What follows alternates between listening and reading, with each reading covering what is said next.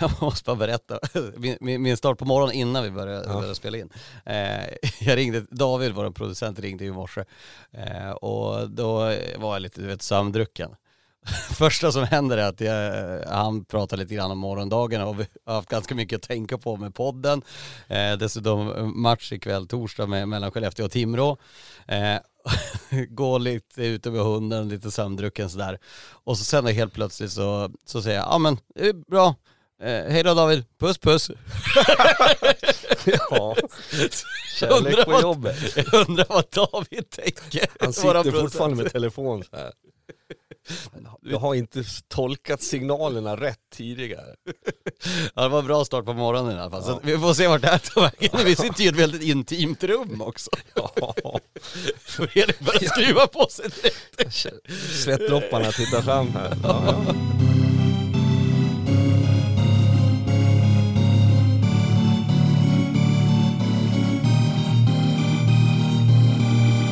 Grymt, stort och härligt välkomna ska du ha då till Ringside som är eh, Simors nya hockeypodd med mig, Lars Lindberg och med eh, numera Simor från eh, 21-22 säsongen, Fredrik Söderström. Som Jajamensan vi har ju hyfsat olika infallsvinklar på det här. Jag lyssnar på alla poddar som finns, du lyssnar aldrig på podcast. Nej, jag har liksom inte fastnat i det och dels har det ju att göra med, det var som när du eh, sa, skrev, eh, podden finns där poddar finns. Och var fan finns poddar tänker jag. Alltså, jag är begränsad i mitt tekniska intresse. Ja, eh, vi, vi satte ihop tekniken lite grann här innan och vi, vi, vi, var nog glada att du inte styrde det. För du är bra på mycket Fredrik, teknik ja. är inte det. Nej men sen har jag en egenskap i livet att jag gör det jag är bra på. Jag, jag ger 17 i det jag inte kan. Och du är ju liksom mer komplett, får jag säga så?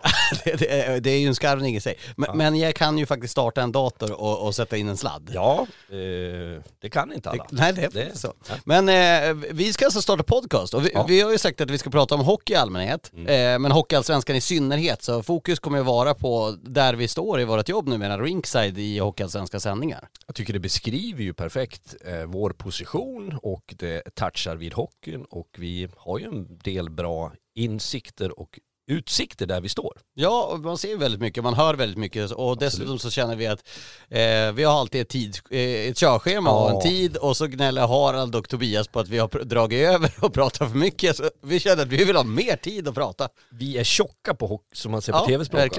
Eh, ja. Och det eh, behöver vi inte tänka på här. Nej, och du har ju också blivit varse om väldigt många uttryck eh, ja, i, i tv-branschen. Vi brukar säga det att, ja men då pratar vi ner den här och du fick ju en smärre chock här när du Ja men det var ju min första sändning, jag var med på Superfredagen där så var det en lång fin intervju med Bemström, Södertäljetränaren och eh, så sa jag liksom, lärde mig hur kommunicerar jag och sa att jag skulle vilja prata lite om det, har vi tid efter själva reportaget?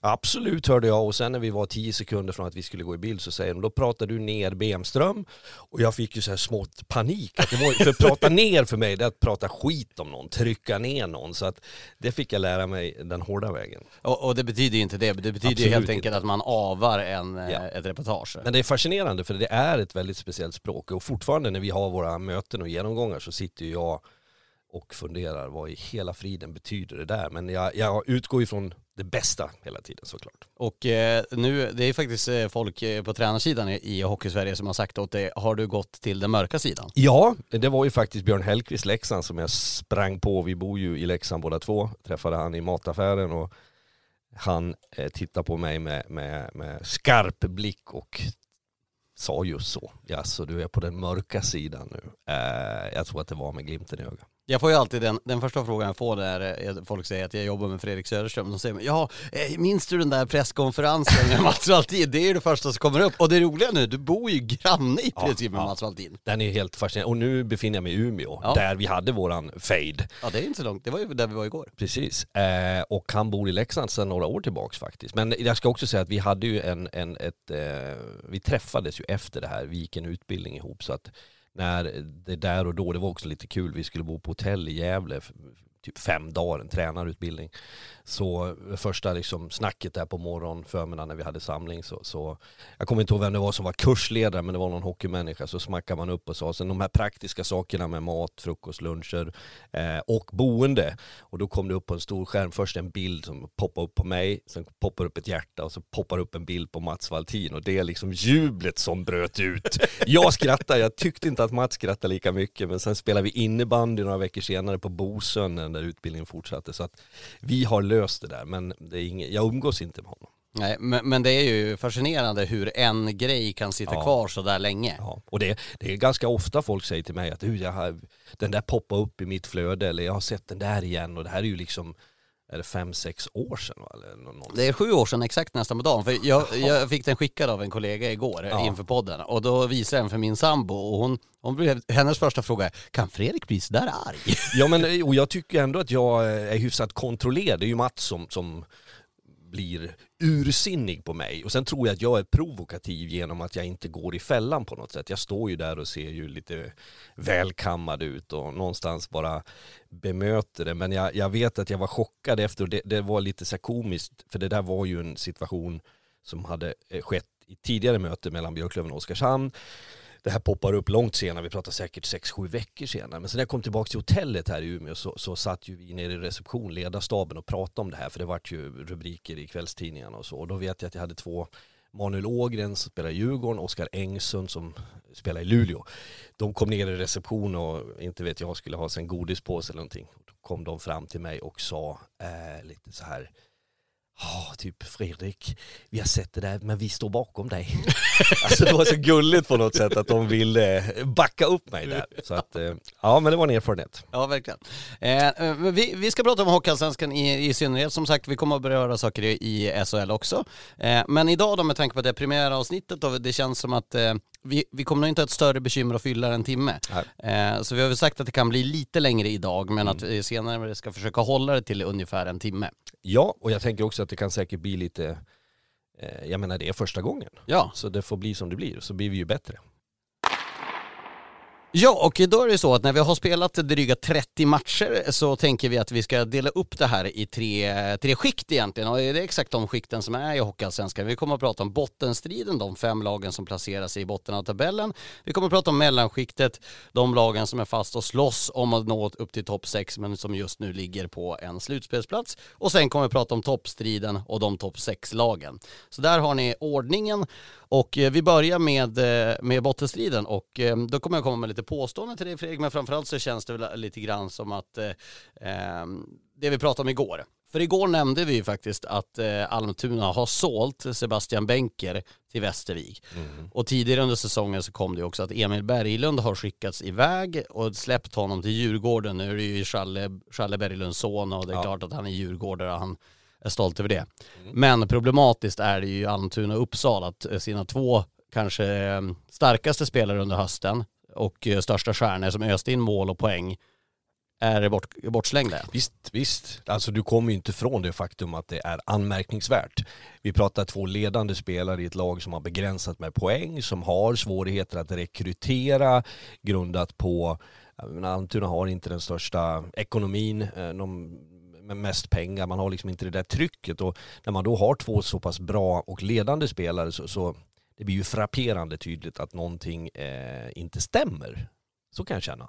Ja, och, och, och så, sen jag menar Benker, nu ska vi komma ihåg lite grann att han har gjort ett mål senaste 20 matcherna. Men mm. i, i höstas så ledde han ju skytteligan. Vi stod väl i Mora när vi gjorde någon match ja. när han gick upp i toppen ja, där. han öste på rejält. Ja, verkligen. Och, och visst, det går väl kanske att handleda det till det att um, han har, det har gått i stå och att det blir jobbigt. Men det skickar ju så ruggigt fel signaler. Ja, sen tror jag man ska ha komma ihåg att, att det inte alltid är frid och fröjd i en trupp. Det kan vara så att bra spelare av olika skäl inte funkar eller trivs. Det har med miljön att göra, det kan vara det sociala, det kan bero på att man inte anpassar sig till ett sätt att spela på eller leva på. Men jag tror att det också kan vara, jag har inte det bekräftat vad gäller Almtuna, men generellt så kan man också vara, man kan ha foten på olika sidor om kravbild. Eh, att vissa spelare drivs av en, en liksom tuff kravbild. Har man varit med högre upp så kan man uppfatta det som att det kanske är för lojt, för svagt, det är för många som inte vill. Eh, och det kan påverka den enskilda spelaren i, det, i, i valet som den gör. Men för Almtunas del så ser det ju inget bra ut. Jag kan ju förstå om man släpper en och tar något bättre. Mm. Om man trillar över någon spelare som det här är en gud. Nu finns det ju inget att ta. Nej, och jag ser inte riktigt vad de skulle kunna trolla fram. Nej, det blir från ettan man får hitta då och försöka ja, tro på guld. Och, och, det har man ju plockat några stycken som har gjort det ganska bra tycker jag. Eh, men det är inte tillräckligt Ganska bra och första kedjan är skillnad. Absolut, och det är det som vi eh, egentligen tydliggör här. Att, att eh, du kan komma upp och liksom komplettera en trupp men du kliver sällan upp och blir, blir eh, liksom världsledande där. Och, och, nu har man fyra raka förluster. Och kollar man till de andra bottenkonkurrenterna, vi börjar med Troja till exempel, som eh, ju eh, kom tillbaka igår, slog Modo på bortaplan, fortsätter att trivas i, i Norrland. Ja. De hade ju en ruggig Norrlandstipp senast där i höstas. Då vann de över Björklöven på onsdagen, åkte till Modo på fredag, nu är det tvärtom den här veckan. Och så sen då hade man ledningen, men minns det då 2-0 eller vad det var. Sen, ja. sen bjuder man på ett ruggigt självmål och så tappar man den matchen och förlorar. Ja. Eh, Troja har ju en förmåga att sprattla till eh, och jag tycker samtidigt att Troja sitter lite grann i samma båt om man ser till, till trupperna på något sätt. Det är lite för mycket spelare som är med och gör det okej, okay, men för få som liksom leder. De har ju Hilding och Hilding måste ju vara ligans viktigaste spelare för ett lag. För utan Hilding så hade ju det här laget inte tagit många poäng. Nej men och jag tänkte när jag ser det, uh, Hilding MVP, så, så liksom något som inte stämmer vid första tanken. Men det vi måste ha klart för oss att, att MVP i någon slags mening som jag översätter det till är ju vem som är viktigaste spelaren. Ja det betyder ju det mest ja, värdefulla. Men och då menar jag inte liksom i stort, Nej. utan för sitt lag. Om man bryter ner det till det så blir ju han väldigt tydlig där. Uh, och det är klart att lever man på en eller möjligen två så är man ju farligt ute på något sätt. Skador, sjukdomar och, och underprestationer. Ja, och så sen eh, så har ju Viktor Öhman eh, kastat in handduken igår, kunde inte spela. De har ju haft Oskar Öhman som gjort massa poäng. Sen Kevin Karlsson, eh, det är ju en kille som det snackas ganska mycket om, backen där, som mm. ju har plockat över första PP från Dennis Fröland. Mm. Han känns ju som att en spelare som alla topplagen i Hockeyallsvenskan säkert Kanske inte SHL redan, men topplagen i Hockeyallsvenskan är säkert rejält där och letar. Ja, och det är klart att det är problemet för de här lagen i den här regionen av tabellen att man eh, de större drakarna, hör de av sig och, och säger att hej vi är intresserade av dig så, så, finns det ju en rimlig tanke att då vill man gå. Eh, så att man, man plockas ju på spelare som faktiskt kan bli bra över tid, eh, som har potential. Eh, och i det där bottenskiktet igår så spelade också Tingsryd, de mötte ju Södertälje eh, vann den matchen. Tingsryd har ju haft det ruggigt tufft, eh, förlorat ruskigt mycket på slutet. Jag tror det är sex raka förluster inför den där matchen som vi sa i svepet. Eh, men det blir ju ändå trots det att de, när de har mött Södertälje, eh, jag räknade ut igår att Södertälje har så 43 spelare den här säsongen och har ju bytt ut i princip hela det laget som Micke Samuelsson byggde 43 spelare. Det säger det att de har ju byggt ja, två lag ja. nästan. Ja det är ju över tid eh, fullständigt eh, katastrofalt om jag ska ta i så jag spricker. Det, det, det, är ett tecken på att någonting inte stämmer. Genom historien kan vi titta på lag eh, som har inte fått till det och vi kan prata liksom lag som trillar ur SHL och vill ta sig upp där man man, man satsar hela tiden på nya hästar, man har inte det där tålamodet, man gör någonting konstant. Och jag tror att pressen som finns på Södertälje, trycket som är där, det gör att man måste har en känsla av att vi måste agera. Ja. Eh, och då, då är det det här flödet av spelare in och ut. Samtidigt som jag ska säga till Södertäljes försvar att när man befinner sig där man gör så måste man ju agera på något sätt. Va? Eh, och det kanske är spelare som, eh, som funkar i en miljö. Jag tycker att det är intressant. Du har Tingsrydsgubbarna där, du hade Simon Norberg, du har Felix Olsson, du har Jonathan Harju, Harju eh, som inte har fått till det i Södertälje. Då kan man ställa sig frågan, är de inte tillräckligt bra?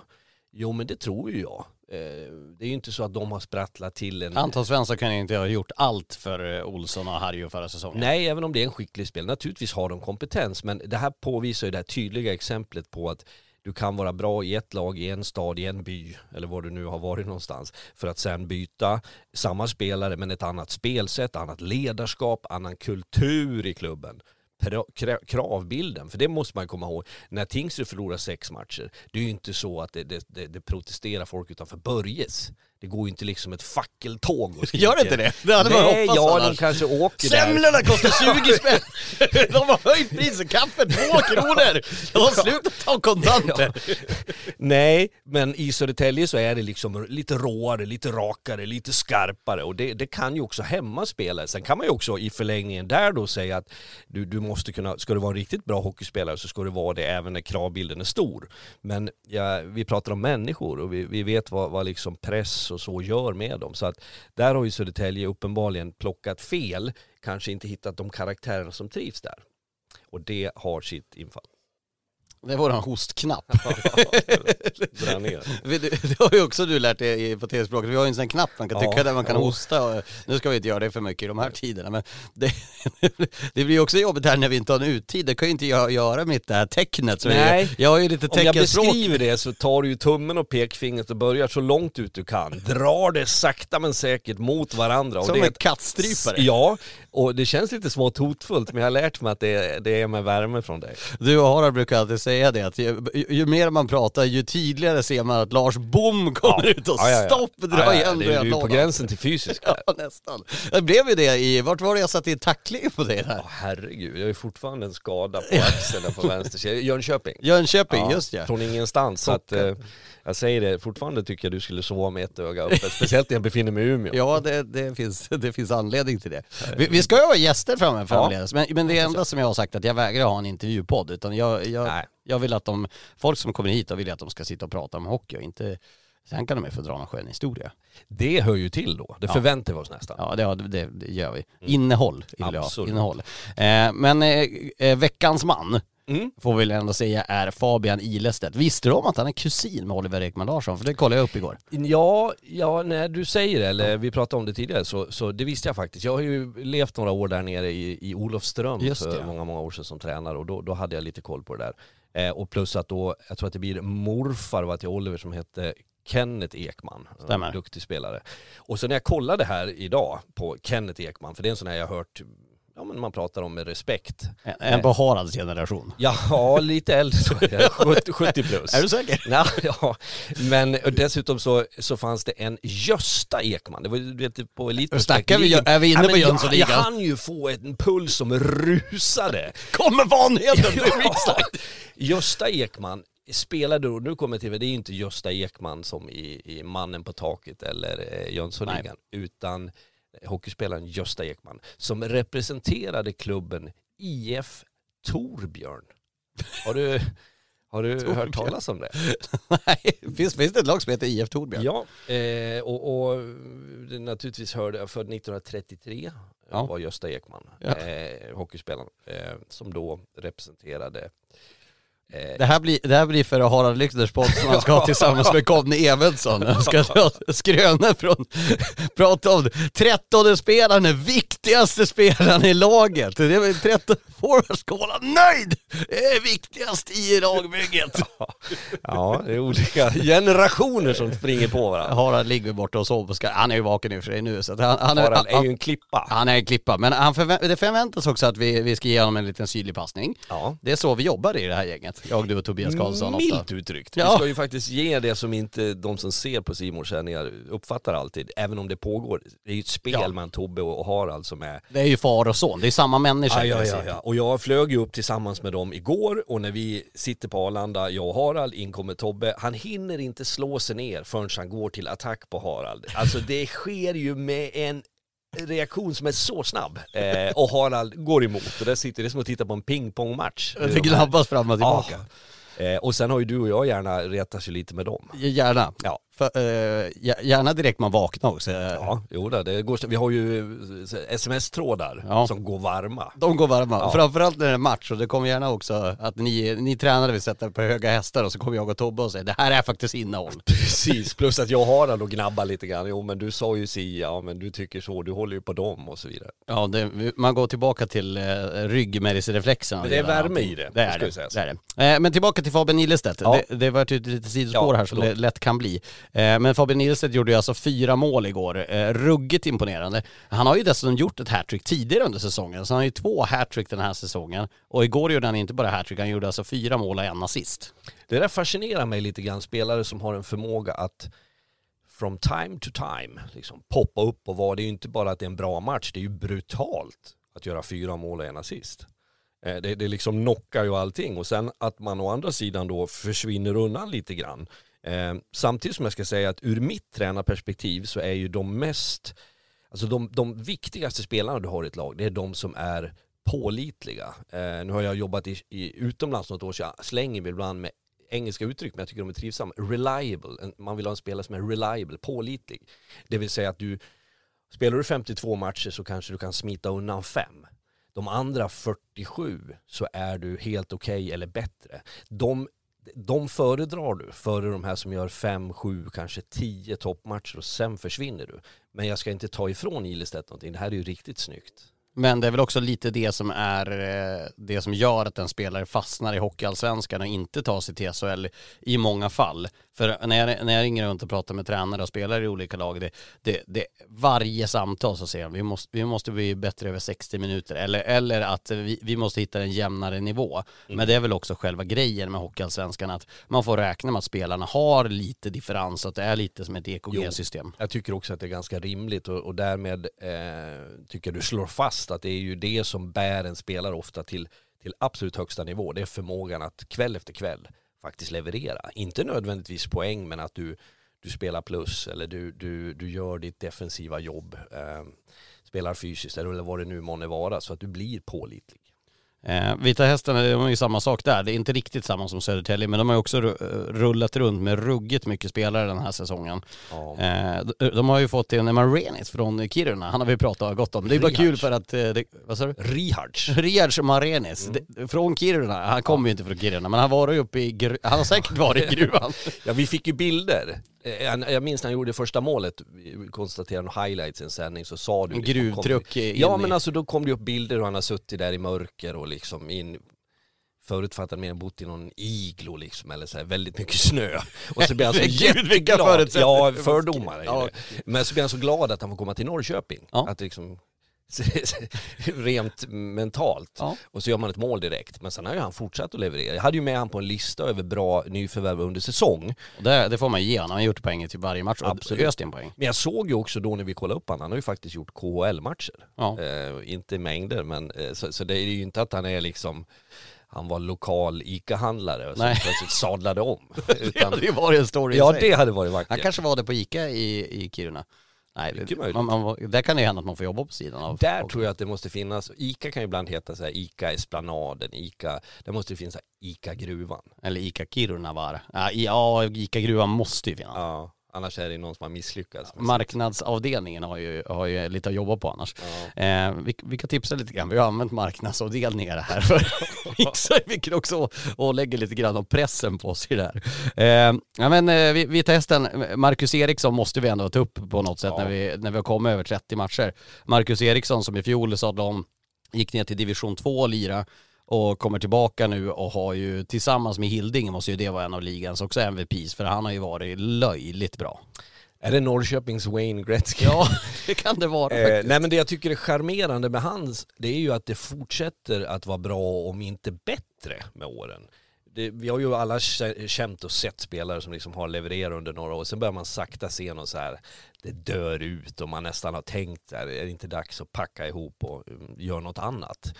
Men han blir ju bara bättre och bättre. Mm.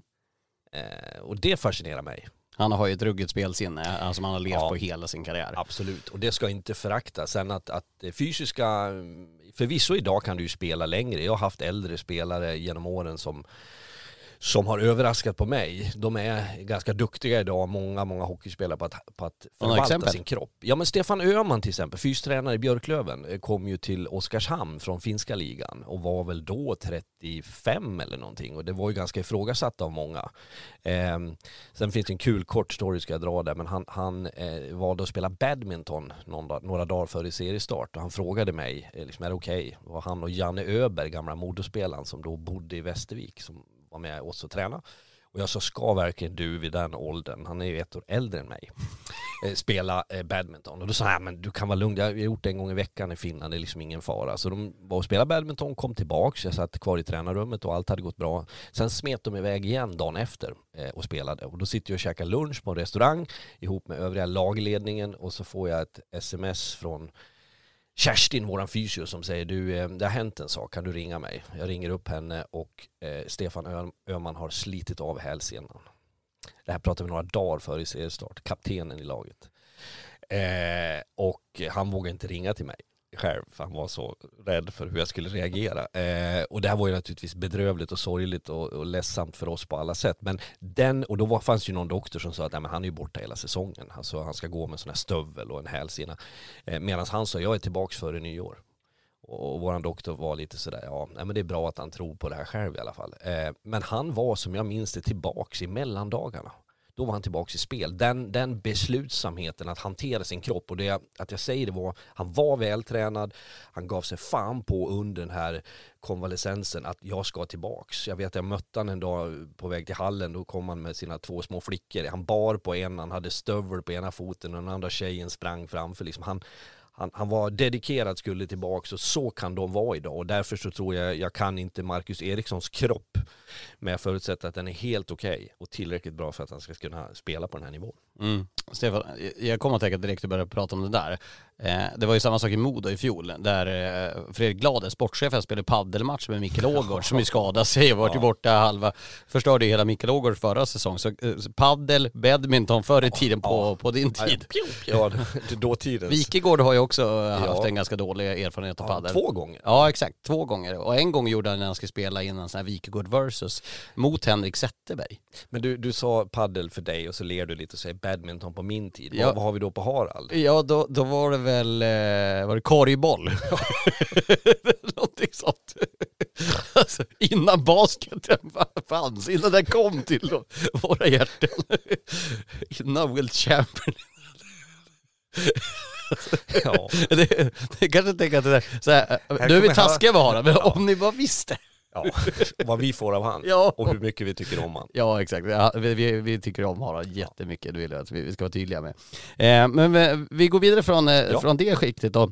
Jag vill hoppa in lite grann mot mittskiktet. Vi kommer till de, de stora lagen, så vi håller lite grann på, på dem. För jag misstänker att de som bara vill hålla, höra om sitt lag och har hört topp 6 ska ju hoppa fram också i, i programmet. Men nu ska vi prata om AIK, Mora och Västervik lite grann. Eh, och jag tänker att vi börjar med det positiva i, i Mora som har vaknat till liv efter en minst sagt sovande start. De var ju, de var ju rätt sagt bedrövliga sett till att eh, ta poäng och göra mål i inledningen på säsongen. Men nu skulle jag väl vara så fräck att säga det att Daniel Ljunggren som ju ligger trea i poängligan och Johan Persson som eh, ju från fel sida i powerplay öser in mål i låga gubbhörnet från sin högerfattning. Leder skytteligan på 21 mål och leder poängligan. Ligans bästa duo. Ja, eh, på något sätt känns det som ett strävsamt gammalt par som har firat, firat guldbröllop eller så. Det känns som att det är så naturlig eh, relation mellan dem i spelet. Eh, man läser varandra, man förstår var den ena ska vara, var den andra tar vägen. Eh, kompletterat med övriga gubbar då i, i powerplay och för all del i fem mot fem. Men jag tycker också det, det, det visar på att när de tar den här positionen nu, att vara främst i Mora i, i produktion och leverans, så sorteras övriga laget upp. Eh, och det här är någonting som jag försöker beskriva ibland ur ett tränarperspektiv, att det är då du får en, en, en harmoni och ett stäm i laget. För att när om de här toppgubbarna som är tänkt att leverera eller producera inte gör det, så, så är det många andra som försöker ta, sig på, ta på sig den rollen. Eh, och det kan bli besvärligt emellanåt. Det är som att beskriva på ett företag om, om, om vdn är sjukskriven så kanske inte vaktmästaren ska springa upp och leda 500 anställda. Han är ju jättebra på sin grej. Och det omvända, om vdn går ner i källan och katakomberna och försöker liksom laga och sopsortera. Ja, så, så kommer det förmodligen bli fel. Och det är därför det där är så viktigt och jag tror att det är en anledning till att Mora eh, tar fler poäng än man gjorde tidigare.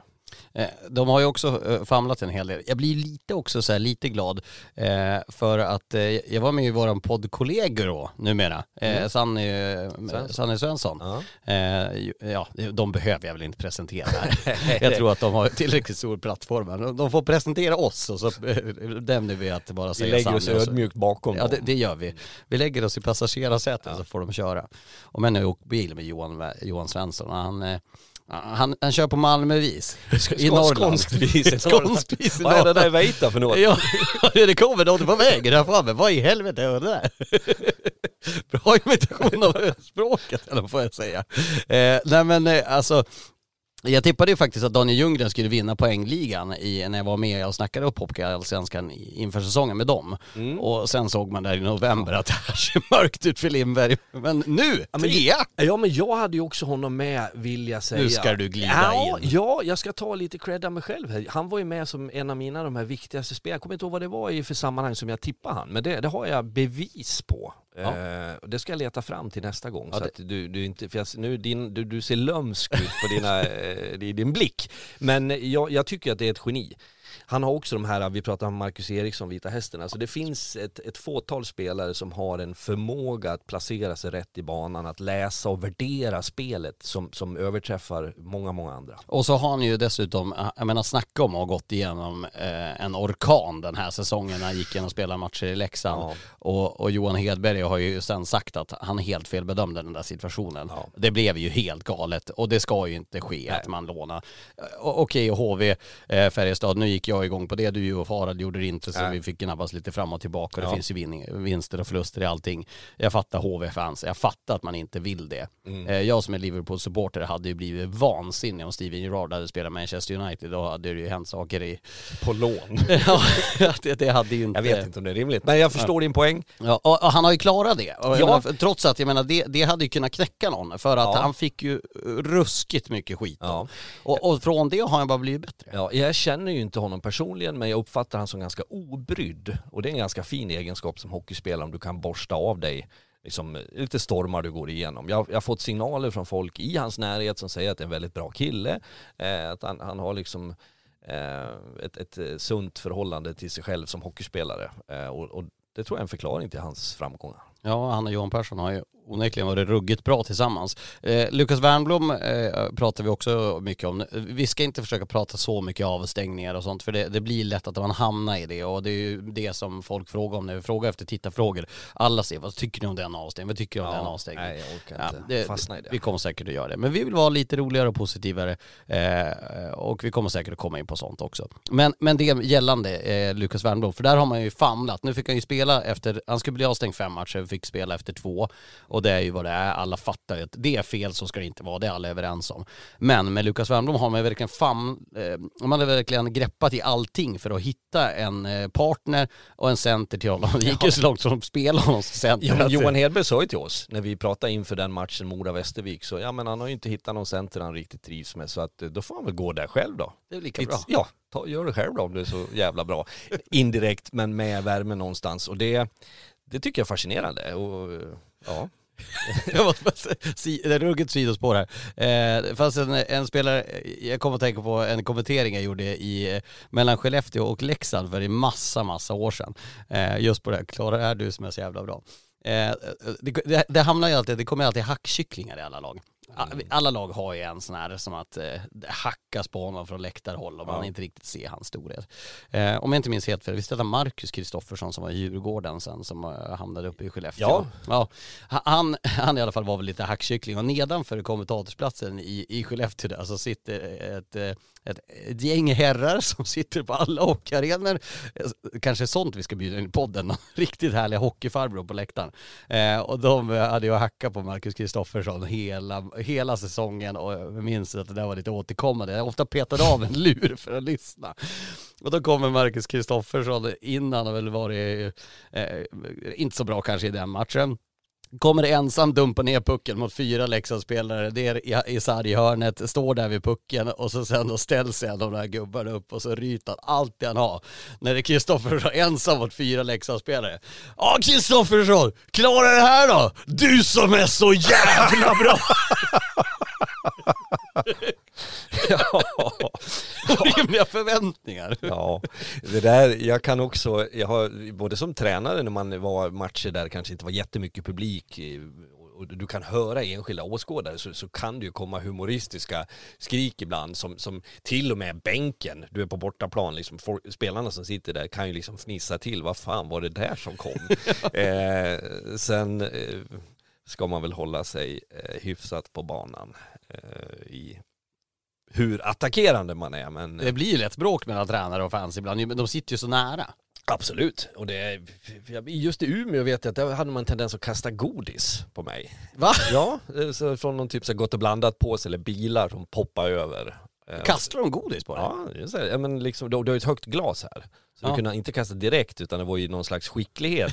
Lobba? Lobba då, som, som landade. Eh, och det, det var ju då typ någon hade, våra spelare hade gjort en smäll och så tyckte domarna att det inte var utvisning. Då är det alltid liksom man, rikt, felriktar ju ibland också kritiken. Ja. Här? Men eh, just kommentarer kommer ju och slå, gärna slå på glas. Ja. Och då ska jag ju för att inte försvara, eller så här, jag var i Oskarshamn sex år men där var ju de värsta Alltså där sitta som motståndartränare i Oskarshamn, bakom dig så har du ju ett sällskap som heter duga, som genom alla år, det finns en, en man där som, som hade en beef med Patrik Ross när han tränade Troja.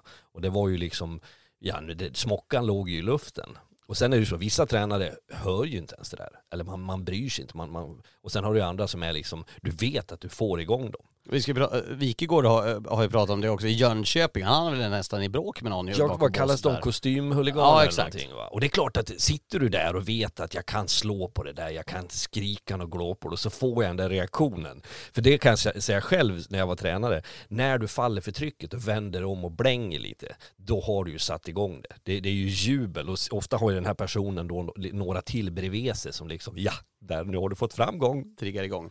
Eh, jag börjar bli, redan bli orolig på hur vi ska komprimera Ja, här. men vi kör på. Nej, det- jag tycker att det, vi, ska, vi ska hålla oss här.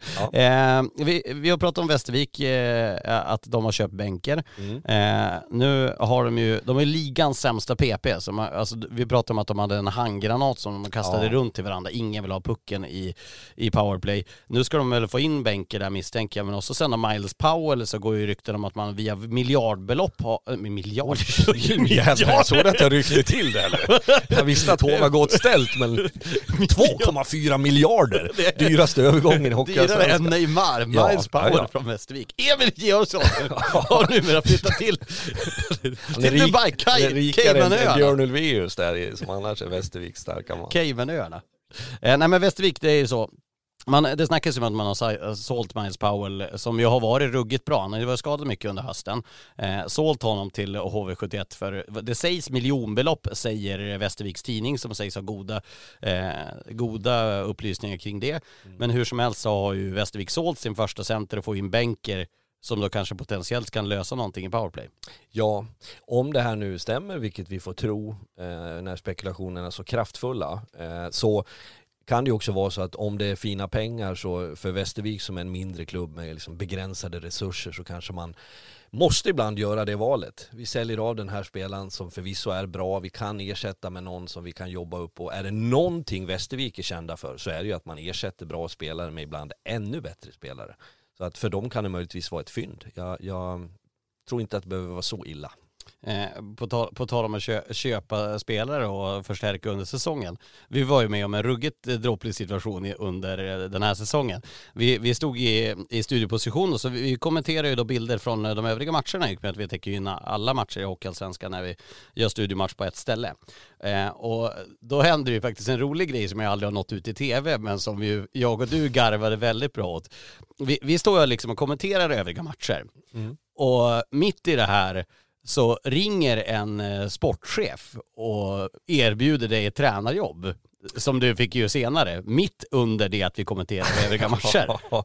det var ju lite genant och då, jag har sån här Apple Watch, eller hade jag, Ja. med den nu. Så att jag, jag liksom, telefonen ligger ju där men då, då kom ju det här namnet upp på den personen som ringde. Så jag står ju fram mot skärmen, du står kvar vid bordet. Jag Där. såg ju den och, Ja. och, och, eh, jag såg ju ut ungefär lite grann som jag har sett eh, Fredriks nakenbild komma upp när han ska visa en bild på att man renoverar om köket. Ja det vart ju lite genant för en stund där. Men för att också förtydliga det där så, så är inte det något större drama. Det är inte märkligare än att, att hockeylag eh, hamnar i besvärligheter, att man tar kontakter, eh, man ställer frågan hur skulle du kunna tänka dig att hoppa på det här igen, racet som tränare och eh, ja, nu valde jag inte att göra det. Utan jag trivs ju att jobba med dig och Harald och Tobbe och gänget. Och, och, det ska vi säga också att det, det är högaktuellt idag, dagarna med tanke på att det är väldigt mycket snack om Thomas Mittell, Joakim Fagervall ja. har just fått sparken i Malmö. Det är många lag som sägs leta tränare till nästa säsong. Det är lag, lag som är i kris och det är många där det snackas kring fansen om att byta tränare för det blir ju oftast en eh, mag magkänslereaktionen från fansen kommer och det är mycket snack kring tränare hit eller dit i hela Visst är det jag, jag får ändå en känsla av att de senaste åren så har det blivit lite förståndigare för jag är inte någon större vän av att sparka tränare. Jag kan förstå om det verkligen, nej, åh, åh fan, fan tänker du. eh, nej men jag menar att man, man förhastar sig lite grann ibland och jag tycker man kanske lägger skulden på, märk väl så har inte jag fått sparken än. Eh, det finns de som påstår att man är ingen riktig tränare förrän man har fått sparken, men det är oftast de som har fått sparken som, som som, som formulerar sig just så. Men eh, man ska naturligtvis inte vara rädd för att få sparken, man ska köra sitt race, tro på sin idé och kommer man till vägs ände så, så kan det ske. Eh, men jag tycker att en, en tid så var det så lätt att bara byta tränare och jag, jag, tror att det finns bevisat att det blir liksom ingen större effekt. Du har några få undantag. Men på det stora hela så, så sitter det ofta i helheten i relationen sportchef, tränare, styrelseledning, spelartruppen, spelare som har skador. Alltså det finns så många faktorer som kan spela in. Eh, så att jag tycker att det är bra att man är lite mer uthållig som det ser ut idag. Men det sker naturligtvis och då finns det ju ett antal tränare som är lediga några som har fått sparken, mm. som sitter och väntar på, på kanske att få ett samtal eller ett nytt jobb. Det finns de som väljer att göra någonting annat. Någon är, eh, leker expert på tv, mm. någon eh, tar hand om familjen. Eh, så det finns ett visst utbud och mer eller mindre så finns det ett tränarjobb till alla tränare. Eh, om, om du liksom tänker stort, vill man hålla på som tränare så kan man vara tränare. Sen om man tränar KB65, man tränar Frölunda eller man är i Schweiz, det måste vara, det är olika. Vi ska se det också att det, det, har ju funnits tendenser när man ser att du suktar efter bås. Rätt för det så står man och, och, och letar efter Fredrik för jag ska snart komma i bild. Då står du, då står du in till eh, Johan Hedberg lite för där och hamnar i Morabåset och så står du Det fanns ju en, en kul story där, jag tror det var Västerås, Karlskoga vi gjorde. Eh, då eh, hamnade jag, det är ju för att jag ska se, vi står ju, vi har bra platser men när spelet sätts igång det blir liksom tätt på, det är kameror, det är spelare, det är dom, alltså saker och ting händer där. Så att då kliver jag gärna upp ett snäpp och då hamnar jag på Karlskoga-sidan. Och sen i ren passion, du vet man, det var nästan så jag ville börja skrika, men backchecka då för helvete. Alltså det kommer ju så naturligt, det har man gjort det i 20 år. Eh, så hamnade jag lite långt in och då var det en, vi ska icke nämna den spelaren vid namn, som vände sig om och tittade på mig så sa han, vad fan, vi har ju inte ens spelat bowling och redan bytt tränare. eh, med anspelning på att man brukar gå och göra det när det går lite knackigt sådär. Eh, så då, han skrattar, jag skrattar, men då, då var det liksom påminnet att okej, okay, jag tar ett kliv ut. Men nu tror jag att jag har kommit till någon punkt att de, de tänker inte att jag står där för att jag ska försöka ta ett jobb. Utan jag står där för att jag vill höra och se. Mm när du stod i, jag hamnade i Morabåset när man började se exakt samma sak när det var Mora-Västervik, men då var det snabbt fram och räckte finger till motståndartränaren, men då var det jag. Ja, jo men jag tyckte det var läge att trycka till det där. ja, det, det, det, det var du fasen med rätt i.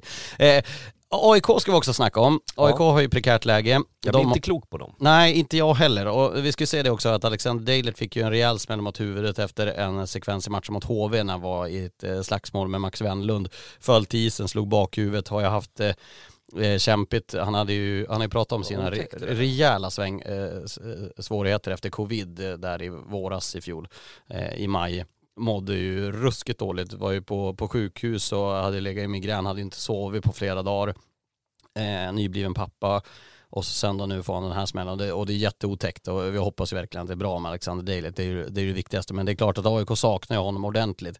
Sen har de ju också ett bekymmer. Nu har de en första kedjan med Max Lindholm, Axel Wemmerborn och Niklas Heinerö som producerar. De har fått tillbaka Torgersson och Magnusson från JVM-spel.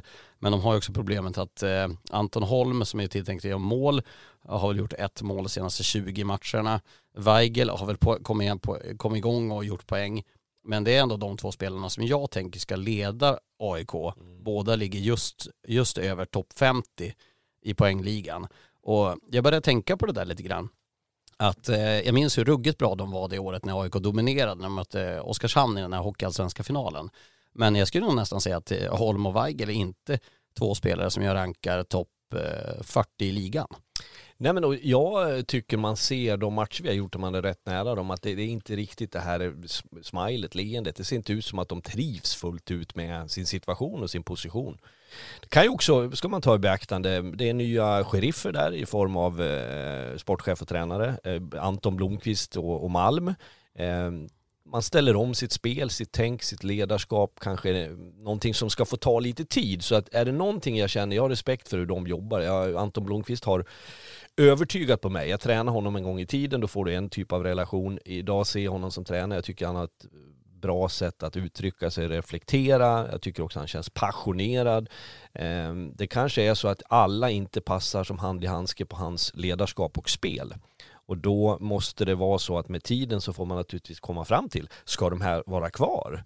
Eh, eller vi pratar miljöombyten på andra spelare förut, sen sitter inte de i en situation heller där de kan säga bort med de här och så köper vi något nytt.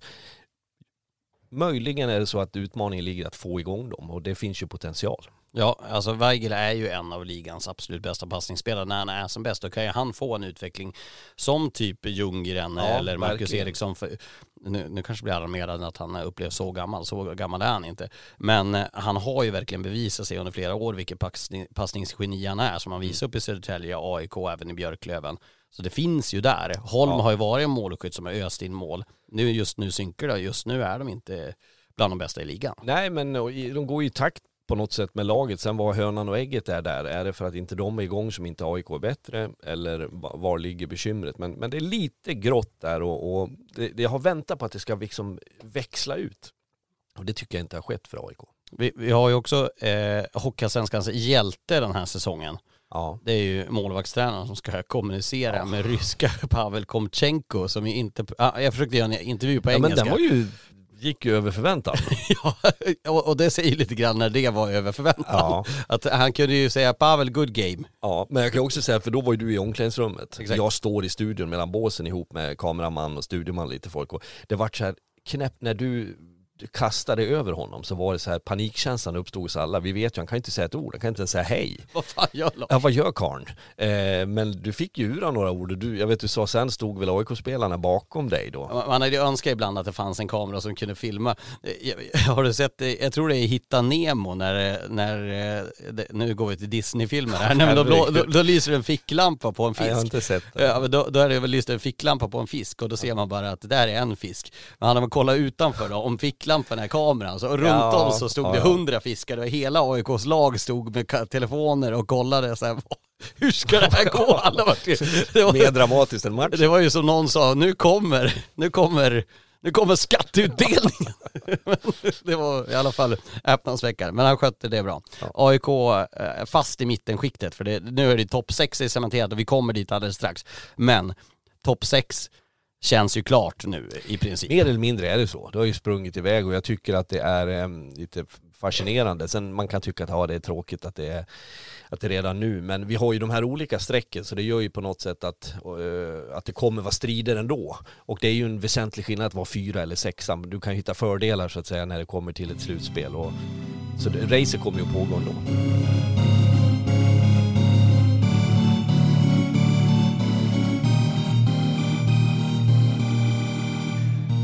Då har vi nått toppskiktet eh, och det här kommer de stora drakarna i Hockeyallsvenskan där vi har både Modo, HV71, Björklöven, Västerås, Karlskoga och även då skärmlaget Kristianstad. Så nu ska vi gå igenom det och vi tänker lite grann om vi börjar med Modo som ju efter 33 matcher inte har än förlorat två raka matcher den här säsongen. Ruskigt imponerande bara det. Sen har man alltså tre spelare i laget som har gjort över 15 mål. Marcus Modigs, även Mikkel Ågård som ju, vi pratade om där, om paddelskadan inför förra säsongen har ju lyft helt otroligt. Och Riley Woods där man ju har träffat ruggigt rätt på, på importerna. Eh, både, både på tränarsidan så har ju Kalin gjort det ruggigt bra, men också sportchefen Henrik Gradin har visst, ju visst verkligen fått Och när du pratar målskytte, jag, jag kryddar med David Bernhard, backen som också har vräkt in mål i förhållande till hans tidigare målskytte, eller om man ser det på, från ett backperspektiv. Så att Modo har ju verkligen eh, formaterat ett lag som ser bra ut och som jag också tycker spelar en bra hockey. Eh, som har förmågan att liksom studsa tillbaks efter någon smäll. Jag, jag, jag ser topptecken på topptecken på topptecken. Och vi, vi pratade under, under hösten här och då sa vi det att Modo är typ en toppback från att eh, jag ska inte säga vara favorit i Hockeyallsvenskan till att gå upp, men eh, den nyckeln som de har saknat har man fått in, dels har man fått tillbaka Niklas Folin på backen, men även adderat Josef Ingman i laget. Ja, jag tycker också att och det, det, här tror jag kommer när man, eh, när man blir bättre och bättre eh, och när man bekräftar för sig själv att vi är ju med i det här racet, vi gör det bra, vi är i toppen, vi, vi har liksom fina egenskaper. Så plockar man, då har man också, får man ett annat perspektiv på vad ska vi plocka in, vad kan vi plocka in? Och, och där tycker jag en sån som Ingman då eh, blir ju eh, crème de la crème. Man var nog ganska orolig igår när han fick eh, den här tryckaren av Semjonov som gjorde att eh, han föll in och hade ont i foten. Men han spelade ju efter i matchen så det var ju inte så farligt som det såg ut. Nej, Nej det, och det, samtidigt så är det ju så här, om jag tänker på vad du har för trupper nu när du går in mot det här slutracet och ett slutspel som kommer så, så har du en lång bänk, har du mycket folk så, så kan du ju hantera även olyckliga skador naturligtvis. Sen Eh, vore det ju förödande om det hade varit en allvarlig skada såklart. Det, det enda som jag känner lite grann med Modo är att det är lite samma syndrom som man hade den säsongen när eh, säsongen blev inställd. När man hade Jonathan Jonsson, Patrik Karlqvist, Adam Tambellini som då var första kedja som mm. alla nu är topp 15 i poängligan i SHL och går hur bra som helst. Det är samma sak, skulle Modo inte gå upp i år Sam Vignå bort, Marcus ja. Modigs bort, Mikael Ågård bort, Erik Karlsson bort, Hasa bort, Bernhard bort. Det är ju nackdelen om man nu ska uttrycka sig så för framgångsrika lag. Du blir ju synad, du blir uppmärksammad och spelarna får ju en position som gör att de blir högvilt för, eh, för andra lag. Men det det, så har det varit i alla tider och det kommer vi liksom inte ifrån. Men, men man får ju tänka här och nu. Här och nu så tillför ju de här spelarna väldigt mycket. Jag skulle dra det så långt så jag skulle säga att Modo just nu, eh, och det jag sett den här säsongen, Modo har högst topp av alla lag i Hockeyallsvenskan. Skulle de ha fler matcher med toppen, jag har inte sett ett lag i Hockeyallsvenskan vara bättre än när Modo har varit som bäst. Det kan jag hålla med om, men jag har också sett dem klappodugliga ja, mer verkligen. eller mindre. Och det, det, när jag har pratat med Karlin vid några tillfällen så tycker jag också att han har uttryckt att en liksom frustration över att man har fallit ihop lite grann. Eh, sen har jag en känsla av att, att eh, Modo kanske mot de, om jag uttrycker mig så, sämre lagen eller sämre placerade lagen så har man en tendens att krångla till det. Man blir lite styv i korken i sitt sätt att spela hockey på.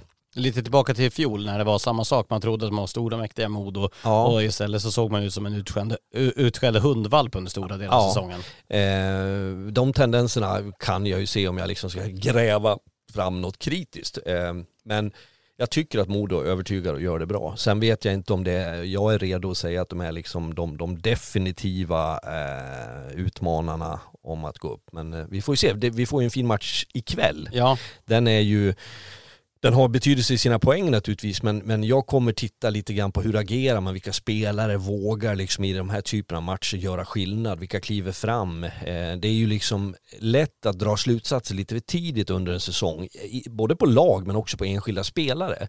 Men från ett perspektiv ur tränare, sportchefer så är man ju väldigt noga med att titta på de spelare man är intresserad av. Hur levererar du i de viktiga matcherna mot de bästa lagen i ett slutspel, i ett kvalspel? Vilka vågar vara med då? Och det kommer vi ju se längre fram. Vi såg i Modo när de var nere och mötte HV71 i, i mitten på, på december där. Nu var ju inte du med där. Du, Nej, då insjuknade då jag. Då insjuknade du. Eh, jag fick slänga in handduken.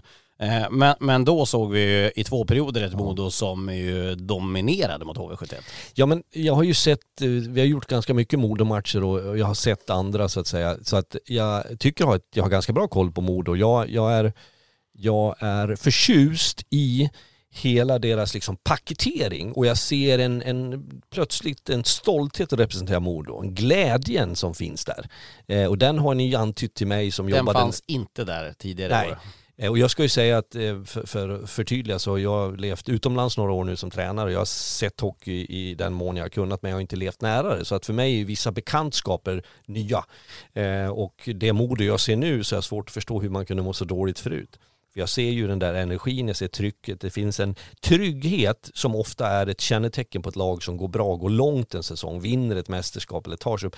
Det är liksom kontroll, man, man borstar av sig ett mål i baken, de här vändningarna Modo har gjort. De har ju inlett med att släppa in första målet hela december och slutet på november i princip. Ja, och det har ju också varit matcher med två, tre måls marginal man har legat under som man faktiskt vänder på och det, det är också ett styrkebesked. Så att eh, all respekt för Modo. Och eh, jag pratade med Mattias Collin, han sa ju det att de har fått in glädjen i Modo lite grann. Man trycker på att få in glädjen i laget. Och när jag snackade med Daniel Syvander, jag tror det var inför den där HV-matchen i, i december, då sa han det att ja men i år har vi inte haft ett enda spelarrådsmöte. I den här tiden i fjol så hade de ju haft sju krismöten, ja. tre tränare, nio sportchefer, 44 ja. olika fans som har stormat in och så sen då hade de det här meddelandet som stod efter de kom hem från en hemmamatch att det är en skam för, för klubbmärket som stod, det var ju någon som hade satt upp en lapp, eh, ett argt fan när de kom hem från en bortaresa och, och det, det säger ju lite grann om om hur eh, lite harmoni och glädje det fanns i laget i fjol. Ja, det är ju alla tecken på motsatsen till ja. vad jag nyss pratade om. Och en felaktig tränarrekrytering från start. Ja, men och sen tror jag tror så här, uthålligheten du ska ha eh, som, som är kontinuitet, uthållighet, det finns vissa ord och begrepp och innebörder som jag anser viktiga för framgång och de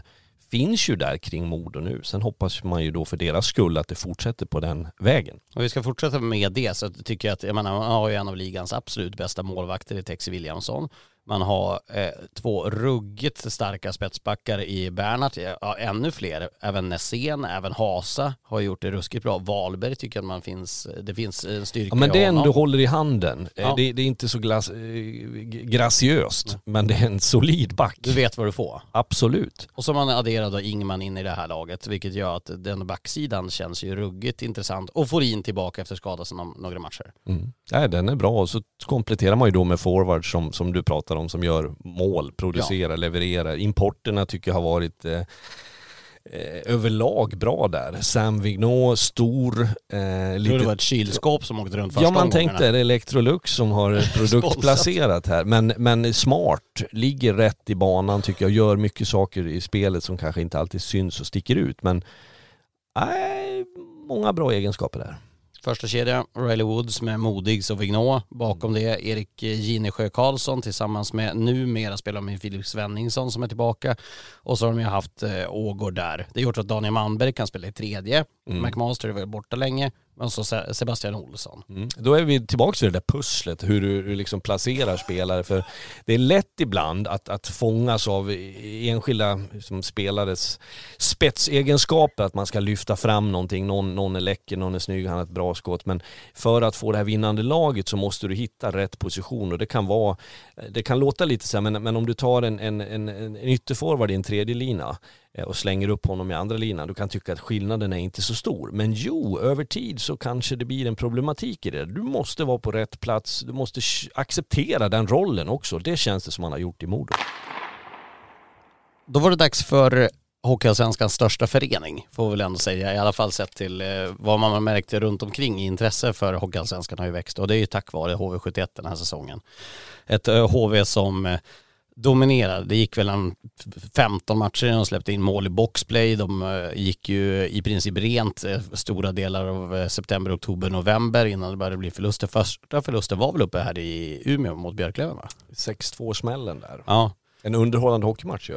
Ruskigt bra. Men HV, fram till dess vann man ganska mycket matcher på grund av att man var HV71. Det var väl lite grann att man spelar inte kanske så fullt så bra som man gjorde, men det säger också lite grann om vilka enorma förväntningar som man har på det här laget. Men HV, eh, man märker ju från fans att det är, det är ju lugnt sagt, milt sagt stressat. Ja, eh, jag tänker ur ett annat perspektiv att det är ganska mänskligt att man åker på en del smällar och att man eh, anpassar sig till den verklighet man lever i nu. Det blir en vardag även för dem. Andra lag, motståndarna, hittar svagheter hos HV71. Man, eh, sen tycker jag, jag, jag avskyr själv och gjorde det även som tränare och prata om skador och jag vill aldrig skylla på spelare som är borta men jag tycker att HV eh, har haft väldigt viktiga spelare borta som har, har tycker jag, stört rytmen i deras spel och deras viktiga formation. Spelare. Ja, viktiga spelare, bra spelare som, som eh, sen är inte det att de är borta eh, som, som Ullström har varit borta liksom en halv säsong utan men det kan räcka med fem matcher, sju matcher. Möter du fel motstånd och med det här lite märkliga spelschemat som har varit där du har kanske sprungit på ett och samma lag under en kort tid så ja, ja, det har varit lite stökigt. Nu tycker jag idag, eh, idag som jag ser det eh, att det vi hade här i, i onsdags i Björklöven eh, HV så såg jag igen de här tendenserna som finns hos HV att man är ett, ett, ett liksom klasslag med Hockeysvenska mått mätt. Jag tyckte man var väldigt kontrollerade i spelet. Det finns ett lugn, det finns en trygghet i det man gör. eh, som, som, eh, som ska finnas där. Det som är med H71 är att, att de kommer vinna grundserien, det tror jag inte så många eh, kanske reagerar över i princip, för det, det tror jag många hade förväntat sig att de skulle göra. Men nu kommer vi till den delen av säsongen när det verkligen ska avgöras för att det bevisar sig och allsvenskan, går det inte upp första året, Modo kan ju skriva under på det och ett gäng andra lag, att går det inte upp första året då är det ruggigt svårt att gå upp, för då måste du bygga om igen, då sticker spelare som inte hade tålamod med mer än ett år att hjälpa laget tillbaka och det ser ju faktiskt eh, när man kollar på det här laget. Jag tänkte på det i någon match här under hösten att HV71, vi, vi snackar alltid om vilket otroligt bra lag de har. Visst, det har de. Men det är ju ändå också understunder där man har sett att HV ska jaga när de här spelarna varit borta. Att mm. man gör ju inte i brallan av rädsla ibland med spelarna som som ska komma och vända en match och då kollar man på andra lag som ju definitivt kan ju matcha topparna som HV71 har. Jag känner ju att HV71 har ett bekymmer eller en utmaning i sin ineffektivitet. Jag tycker att det finns matcher där man har skapat mycket, man har fört matchen, stort puckinnehav, men man får inte utdelning. Och möter du då kontringsskickliga lag samlade i sitt försvarsspel som kan ställa om och som har då någon sån här Sidorov-spelare eller vi kan som enskilda spelare i många lag som faktiskt går upp och gör ett mål, ja men då kommer nästa problematik, momentum förändras, du får energi och tryck, om supportrarna kommer tillbaks, vad det påverkar. Men sen ska jag också tillägga att Tommy Samuelsson har sagt vid några tillfällen att de är på en upptäcktsresa den här säsongen. Och nu har man upptäckt hur grundserien ser ut och hur den vardagen ser ut. Det man inte kan öva på, det är ju hur slutspelet ser ut när du kliver in i en bäst av sju mot ett lag som vi får ju liksom vara förståndiga nog och, och inse att de här lagen som kommer bakom eh, har ju också mycket kvalitet. Vi pratar ju om ganska många lag här eh, idag. Ja, vi, vi, vi, har ju tänkt gå igenom alla. Ja, eh, men vi konstaterar att det finns liksom skicklighet hos väldigt, väldigt många lag. Eh, och de kommer ju vilja jävlas med HV. Eh, och de vill också göra personbästa när man möter HV. Det, det, är någon inre drivkraft. Det, det, var ju samma sak som när Leksand var nere, att ja, ja. de lider ju över det. Och, och, samma sak när Djurgården var nere, när Malmö var nere. Att, ja, att alla vill göra, när Björklöven dominerade den säsongen så vill ju ändå alla göra sin bästa match mot det laget. Ja, det blir en boost för liksom hela klubben. Jag vet när jag var i Oskarshamn när man mötte Leksand, eller vi mötte Djurgården, folk var ju liksom i flera dagar taggade. Inringat i kalendern. Ja, och det, den energin som kommer ur det kommer ner till båset. Vi ska komma ihåg att de här spelarna som, som är där, de vill ju vidare i sin karriär. Eh, och det finns ganska många som skulle vara beredda att skala av ett, ett ringfinger för att representera HV. Eh, och det säger jag inte att, med det sagt vill jag vara tydlig med att de inte, inte trivs så att säga i sina klubbar där man är idag. Men alla vill till en större organisation, proffsigare verksamhet, bättre betalt och så vidare. Så att eh, eh HV åker runt och möter många som, som eh, tryoutar. Och jag tror också någonting med HV71 är att de lider ju också ganska ordentligt av, för alla vet ju det HV71 kommer in i, jag vet inte exakt vad det är, men säg att de har 70-50 eh, miljoner i eget kapital, vilket inget lag i Hockeyallsvenskan har ju, ja, kanske en tiondel av eller en femtedel. Lägg ihop de andra lagen ja, så kanske... Ja, men på, på riktigt tror jag ja. att lägger man ihop alla andra lag så har de ändå inte samma egna kapital på banken som HV71 har.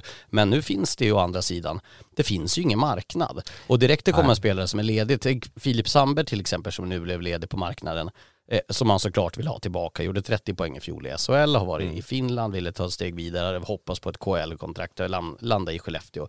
Det är klart som tusan att HV har varit där och budat allt det de har. Och det är en kille som har varit där, ja. men ändå säger att jag vill ha SHL och nu är det den verkligheten. De får ju inte spelarna trots att de har så mycket pengar. Nej, eh, pengar är ju bra att ha men du ska ju använda dem på rätt saker också. Sen ska man komma ihåg ytterligare en faktor, om man nu ska värva, vi är ju då dessa tider där man vill stärka, förstärka trupperna, så är det ju väldigt viktigt, du måste vara extremt noga med vad du plockar in. Att du, du får en spelare som ska tillföra något på en viss position i en viss roll, han ska köpa den rollen.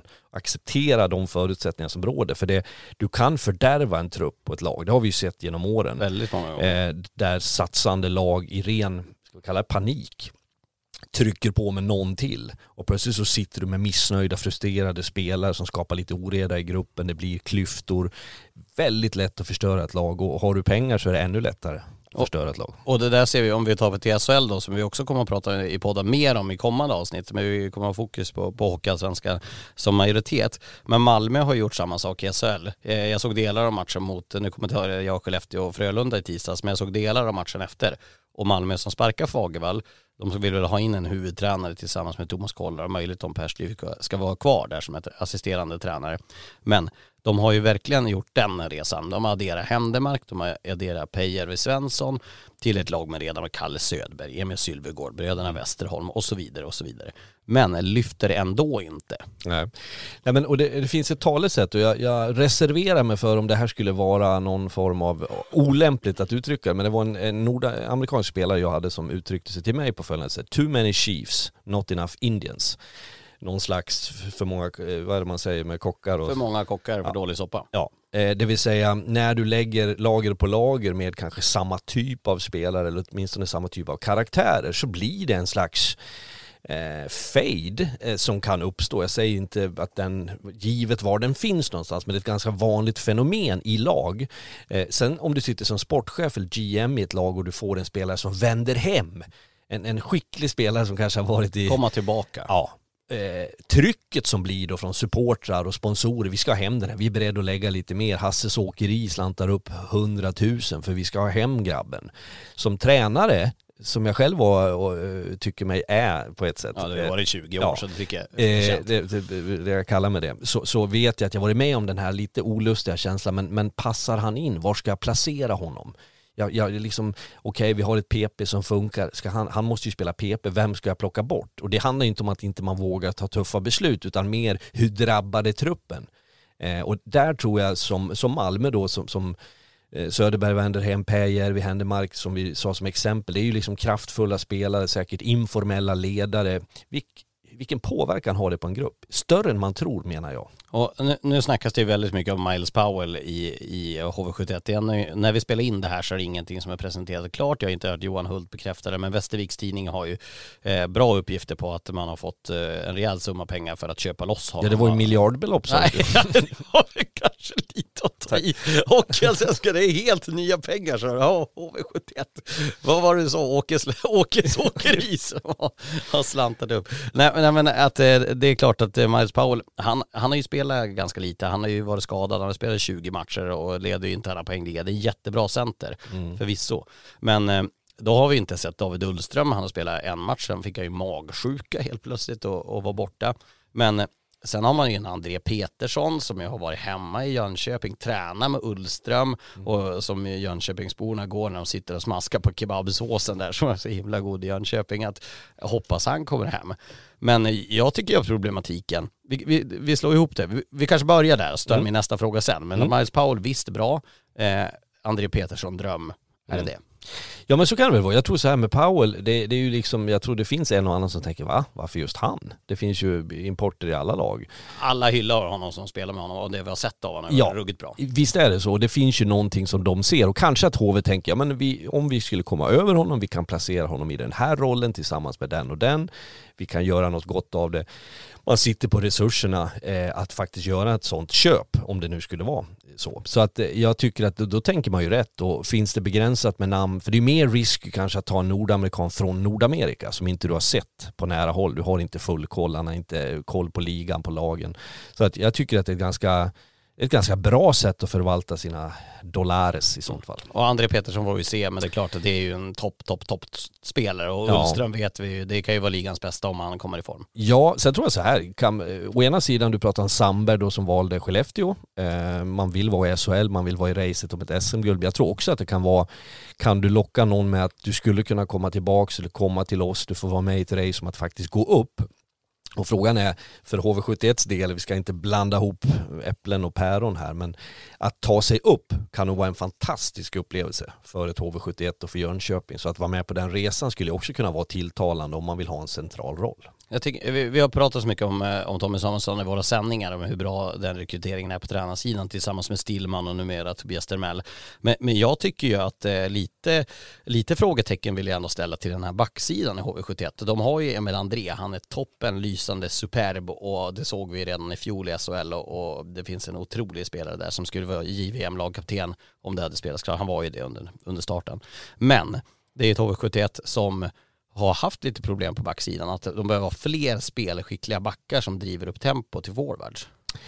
Ja det är möjligt. Jag tycker André är bra. Jag tycker också Chad Billings är eh, extremt bra. Junioren? Ja, som åkte med hel visir igår, eh, i onsdags. Och eh, Nej men jag, jag tycker att HVs backsida är okej. Okay. Sen tänker jag så här, jag, jag har ju en tendens att resonera i mitt eget huvud. Vi har eh, Tommy Samuelsson. Vi hoppas komma in där ibland. Ja, knacka på så ser vi om vi får tillstånd att kliva in. Tommy Samuelsson, Fredrik Stillman var ju två briljanta backar. De borde ju liksom trycka på den röda larmknappen om de upplevde att backsidan var för dålig. Eh, jag tror inte att de tycker det. Jag tycker att HV71s backsida är bättre än vad du antyder. Mm. Men det finns utrymme. Skulle man trilla över något riktigt bra namn så kanske man, man och det, det, jag skulle inte bli förvånad om HV agerar med en back in. Men det är ju fler lag som, jag menar kolla nu när Borgman vänder hem, det är klart att eh, vi vet där att det har kommit rejält bud på honom också. Ja. Jag, vet, jag, vet, jag vet att det är lag som har sagt att det har varit över 300 000 på bordet till Borgman som valde Frölunda. Okay. Och det var ju väldigt många lag som var och hög på honom och det är klart man hade velat ha hem honom men det var väl i princip omöjligt. Ja, jag tänker också att Hult eh, är väldigt aktiv och kommer att så vara. Eh, och, och, man eh, man är resursstark, man har ändå eh, framgångar nu då i allsvenskan, om vi, hockeyallsvenskan om vi ser det på det sättet. Så att de kommer att agera, vi får se vad det kan bli för namnlediga. Jag misstänker, det kommer att komma in fler namn, det är jag ja. helt, helt övertygad om. Eh, och då hoppar vi över till Björklöven då som mötte i onsdags. Eh, ett Björklöven som trots att vi i januari har haft enorma skade och sjukdomsproblem hela december månad egentligen, spelar på tre kedjor länge. Men någonting jag slås av i Björklöven som vi också sett rugga toppar av den här säsongen med en jättebra målvakt de har en stark backsida om än vet i Vainio första backen har varit skadad och eh, det första alternativet på backsidan sålde, eh, gick ju till SHL redan innan säsongen har startat. Men det är fortfarande att man famlar efter att hitta rätt kedjor i Björklöven. Ja, ser jag till Björklöven som helhet, deras trupp, om du liksom börjar ta det namn för namn så är det ett jättespännande lag och jag tycker att det finns väldigt mycket offensiva skills. Jag har använt begreppet framtung som jag har snott av någon annan, jag vet inte vem och jag vet fan inte riktigt vad det betyder men i min avsikt så är det att man är väldigt offensiva. Eh, det som är, enligt min mening, Björklövens utmaning, det är att hitta en tydlig rangordning, en hierarki i den gruppen. Jag, jag tyckte nu man har så många ganska bra spelare eh, och jag vet av egen erfarenhet med att ha många nordamerikaner, vad har de nu? Sju? Ja det blev väl så nu ja. ja. Eh, de nöjer sig sällan med att vara back 5 eller forward 9 eller 12. Man vill vara med, man vill göra skillnad, de har en mentalitet som vi svenskar har att lära av å ena sidan och å andra sidan ibland så, så rubbar det vårat sätt, vårat ledarskap i, i liksom svensk hockey eller svensk idrott. Eh, så att där är det viktigt att Björklöven liksom hittar, eh, dels det du antyder, formationerna, vem hör ihop med vem, vem får liksom synkar med vem. Men också kan man acceptera 14 minuters speltid som forward. Att se till att inte vara inne på baklängesmål, att, att spela PK istället för att spela PP. Eh, och där tror jag utmaningen ligger för Björklöven. Men bara en sak som igår, att Olle Liss, som hade man fråga gemene hockeyintresserade kring Hockeyallsvenskan, är väl den första spelare många lag hade valt till PP. Han spelade inte ens PP i Björklöven igår. Nej, och det är oroväckande tecken. Ja, det tycker jag faktiskt att det är. Ja. För att Olle Liss, bättre bössa får man ju leta efter i den här ja. ligan. Ja, han har ju en det är Fredrik, Fredrik Forsberg där. Ja, det är ju den stilen. Johan Persson. Ja. till. Lukas Zetterberg.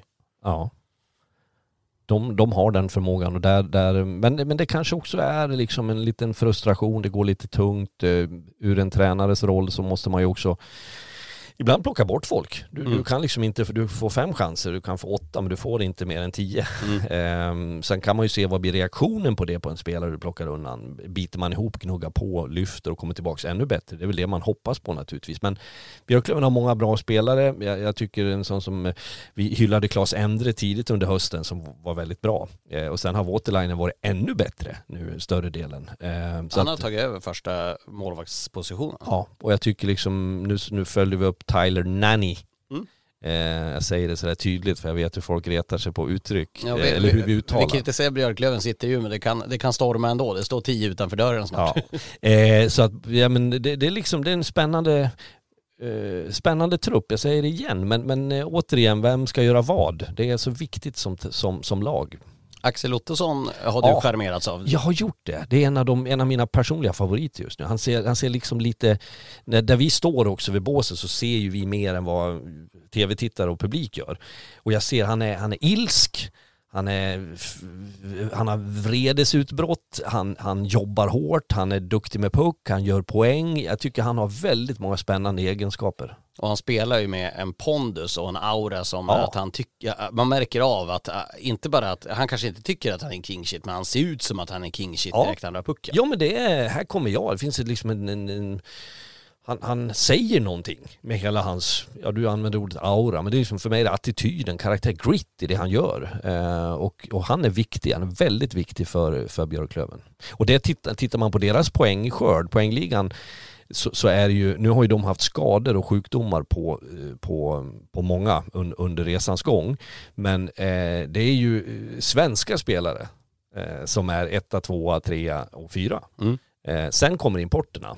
Och där har du ju liksom en del av det här att med reservation för att man har varit borta lite grann så, så med skador och sjukdomar. Men, men alltså du, du måste nästan ha importerna i, tar du forward ska det vara topp två lines.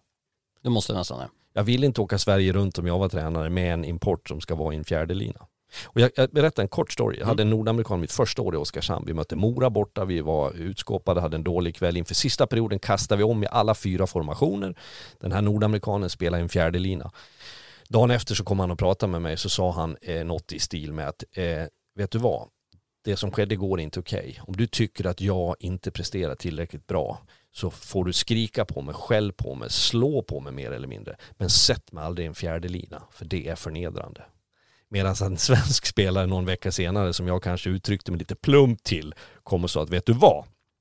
Om du inte tycker jag gör det bra, sätt mig på bänken då, men behandla mig med värdighet. Det säger lite skillnaden. Där har vi verkligen den här kollisionen mellan kulturerna. Och det är därför jag vet att av egen erfarenhet att det är svårt att spela utländska spelare längre ner i hierarkin. De är inte bekväma med det. Det blir någonting som stör dem. Och så det är väl också lite samma mentalitet som det är i Schweiz eh, och, och eh, även andra ligor där. Att importerna ska producera när du tagit in dem. Nu är det kanske inte riktigt samma mentalitet i Sverige men det finns ju ändå en gnutta av det. Ja, det finns liksom ingen anledning att släpa någon eh, med Titanic höll jag på att säga över hela eh, Atlanten för att du ska ha dem som liksom en, en, en kul kille eller en, en, en spelare som bara är med. Det ska vara topp på dem, annars blir det galet. Det här leder mig in på med våra snack med, med Axel Ottosson så hävdar jag fortfarande att jag tycker att eh, kanske ligans bästa spelare är Mikael Frycklund i Västerås. Ja, han är ju med där. Han har överraskat lite grann på mig. Jag tyckte att han såg trög ut i starten, såg lite loj ut men sen... Liksom hela Västerås? Ja, sen, jag känner inte Frycklund personligen men nu har vi liksom varit nära dem lite grann och jag upplever han som att han lever i sin egen lilla bubbla. Han, han, han liksom sitter längst ut på bänken och fokuserar på sig själv, jobbar med sig själv så att det kanske jag har varit lurad av det intrycket. Eh, men visst har han eh, burit upp sitt Västerås eh, med den äran. Jag tycker också att det som har, har fallit in med att han har kommit tillbaka till Västerås har ju också väckt eh, Lukas Zetterberg som ju varit eh, åsidosatt i Brynäs mm. och kom tillbaka till Västerås, tillbaka hem och spela i, i, i pappas lag för Patrik Zetterberg, hans pappa är ju sportchef. Eh, och han har ju verkligen växlat upp och trivs ju otroligt bra att spela med Mikael Frycklund. Det har gjort honom till att han är en av de bästa målskyttarna i ligan. Återigen, samma sak som han var när Kalle Östman var tredje ja. länken i den där kedjan. Känns ju som en väldigt enkel kille eh, som, som rätt avslappnad och, och besitter ju spetsegenskaper eh, i produktionen, inte minst. Eh, och där eh, handlar det ju kanske om sällskapet du umgås med. Vad har du för omgivning? Hur blir du serverad? Vad, vad antar du för roll? Eh, han har ju varit vass och Västerås har ju samma sak som Modo också nu har, att de har ju tre ruggigt starka kedjor. De har gjort om, men man har ju första kedjan med Marcus Bergman som spelar med Mikael Frycklund, var vi inne på, och Lukas Zetterberg. Man kör en andra kedja där Anton Svensson spelade med Isak Skedung och William Wikman. De som du har ju känt för han i alla år och varit mm. ruggigt starka tillsammans. Skedung hade ju covid förra säsongen, fick rejäla bakslag av det, kunde i princip inte träna. Nu är han ju en av ligans mest charmerande spelare och Wikman är ju så bra så det är ju klockorna slår. Och nu har man adderat Mattias From i den kedjan. Mm. Man har flyttat eh, Anton Svensson till tredje där man har Hakkarainen, den nya finska centern som ser spännande ut tillsammans med Lundsjö som snittade ett halvt mål per match förra säsongen, 20 mål på 40 matcher. Och kommer in som en gubbe i lådan och det är en kille som bryter mönster och som kan avgöra matcher på egen hand som kommer in i en tredje kedja. Man har tre ruggigt starka kedjor och så en tydlig fjärde kedja med Jesper Johansson och eh, Filip Karlsson bland annat. Välbalanserat känns ju Västerås just nu. Känns lite som Timrå i fjol skulle jag vilja säga. Ja, okej, okay, ja. Den, jag kan inte riktigt bekräfta Ja. den slutsatsen. Men, det, men, men för, från mitt perspektiv så ser jag att Västerås som har kommit samman. Jag tycker man eh, accepterar eh, tänket, spelet. Man är mycket mer konsekvent över matcherna. De här begreppen tränare använder med men 60 minuter och, och uthållighet och konsekvent och så vidare. Det tycker jag att Västerås gör. Men, jag ska lägga in ett litet men. Nu åkte man i onsdags ner till Norrköping. Torsk 5 ett. Fem ett, Exakt, det var ju, det var ju eh, Fabian Gillestedts kväll där. Men, men, men de var ju klappusla. Ja, som jag har förstått det. Och det, det, det där har ju skett med jämna mellanrum. Och de där slags återfallen tror jag man, vi var inne på lite grann med Modo också, att de sker ibland. Det, det oroar mig lite grann och jag vet eh, att, att jag är övertygad om att tränarna, Pananen och, och gängen eh, liksom runt honom också funderar, vad fan hände här? Varför blev det så här igen? Och det är det man måste jobba bort. Mm. Men de har ju också å andra sidan till, till att sätta det här. Nu har Jimmy Jansson opererat handled, han är på väg tillbaka om en fyra till sex veckor kommer eh, och spela innan slutspelet. Gunnarsson har kanske inte gjort lika mycket poäng som man hade förväntat sig men det är ju ändå en här före på backen och ligans eh, den målvakten i ligan som har den högsta toppen och som är en erkänd slutspelsmålvakt som har vunnit Absolut. massor i Johan Gustafsson som har ju varit en bäst under december. Ja, nej men jag... Det här går ju också i linje med att vad Västerås har sagt som klubb. Man, man satsar ju lite grann och, och Pannanen var... Inte så lite. Nej, och Pannanen var ju lite eh, halvstursk på, i den mening på, på upptaktsträffen med Hockeyallsvenskan när man pratade om att det här var eh, liksom över en treårsplan. Ja men så sa han något i stil med att ja men varför inte göra det redan nu eller eh, jag kan tänka mig att gå hela vägen direkt. Eh, så att man har gett sig in i den här leken på allvar och jag tycker att de har vuxit vilket är ett gott tecken när man har en liksom tendens och vi pratade om det vid någon sändning man, eh, där Västerås var krisade lite grann. Man, man kom sig samman. Johan Gustafsson bekräftade i någon sitta ner intervju som du gjorde med honom att, att man har liksom ventilerat. Jimmy Jansson var det väl kanske med oss i studion där också som bekräftade det där. Och det att gå igenom ett stålbad, att, att, att liksom tvingas fejsa varandras eh, för och nackdelar det kan vara hårt, det kan vara rått, det kan gå åt helvete ibland. Men många gånger så är det det som, som får en grupp samman. Nästan 30% i powerplay också där Frycklunds eh, kedja med Sötterberg, de är ju eh, ruggigt vassa ihop. Det finns ett självförtroende där nu Ja. som det lyser om. Dem. Som Västervik inte har. Precis så är det. Eh, AIK också ruskigt vassa i powerplay. Eh, om vi går vidare då till Karlskoga. De har ju andra sidan Karlskoga som ju hänger med i toppen, är med där i topp 6 och, har ju haft ruggiga skadeproblem också. Man tappade eh, där Gustav Torell åkte till, eh, var det Tjeckien om jag inte minns helt galet. Och så sen då Linus Karlsson som har ju charmerat hela SHL och det är ju snack kring NHL för honom till nästa säsong. Han eh, spelar ju tillsammans med Henrik Björklund som fortsätter att ösa in mål i Karlskoga ruggigt, ruggigt bra Henrik Björklund. Vilken, vilken sheriff. Och så sen en backsida som ju är högintressant där man har ju Willem Westlund, Lyckåsen och, och, och dessutom Henrik Kingen Larsson som han kallas i Karlskoga och Johan Larsson som har haft lite skadeproblematik med ryggen. Henrik Larsson har ju opererat ett knä och varit borta hela hösten i princip. Backsida jättebra, spännande målvakt dessutom. Men forwardsidan har vi ju väckt frågetecken kring. Vem ska göra målen när Henrik Björklund inte gör det? Vad finns det bakom honom? Mm. Lite trubbigt. Eh, jag tycker ändå att det, det finns ju förmågor. Eh, Lilja, mm, Rekonen tycker jag är en av ligans Ruggigt bra. Ja, en skicklig passningsspelare. Så att, eh, men, men sen de här snipertyperna, Björklund har ju den, den extrema förmågan att göra det. Men absolut, fler behöver följa på eh, och jag, jag tycker att Karlskoga är solida och bra. Jag räknar med dem och de kommer vara en, en, en, en kandidat i ett slutspel. För dessutom så det Karlskoga har som, som, som få lag Man får inte har- glömma bort dem heller. Nej. de har ju också en mentalitet. De har en kraft som, är, som finns där och som har förvaltats genom åren i Karlskoga. Att vara med i racet. Eh, Att, att addera liksom den här kraften, tyngden, envisheten, tjurigheten. Och det, det är en egenskap som du inte kan köpa för pengar. Och David Lindqvist, spelskicklig forward som kom från Björklöven i fjol och har ju också gjort det bra. David Lilja har växt, men han har ju också växt mycket när han har varit i första kedjan med, med Lindqvist och, och Björklund. De har ju varit bra, bra tillsammans, men kanske inte på de topparna som ju Torell och Linus Karlsson hade i fjol med Björklund.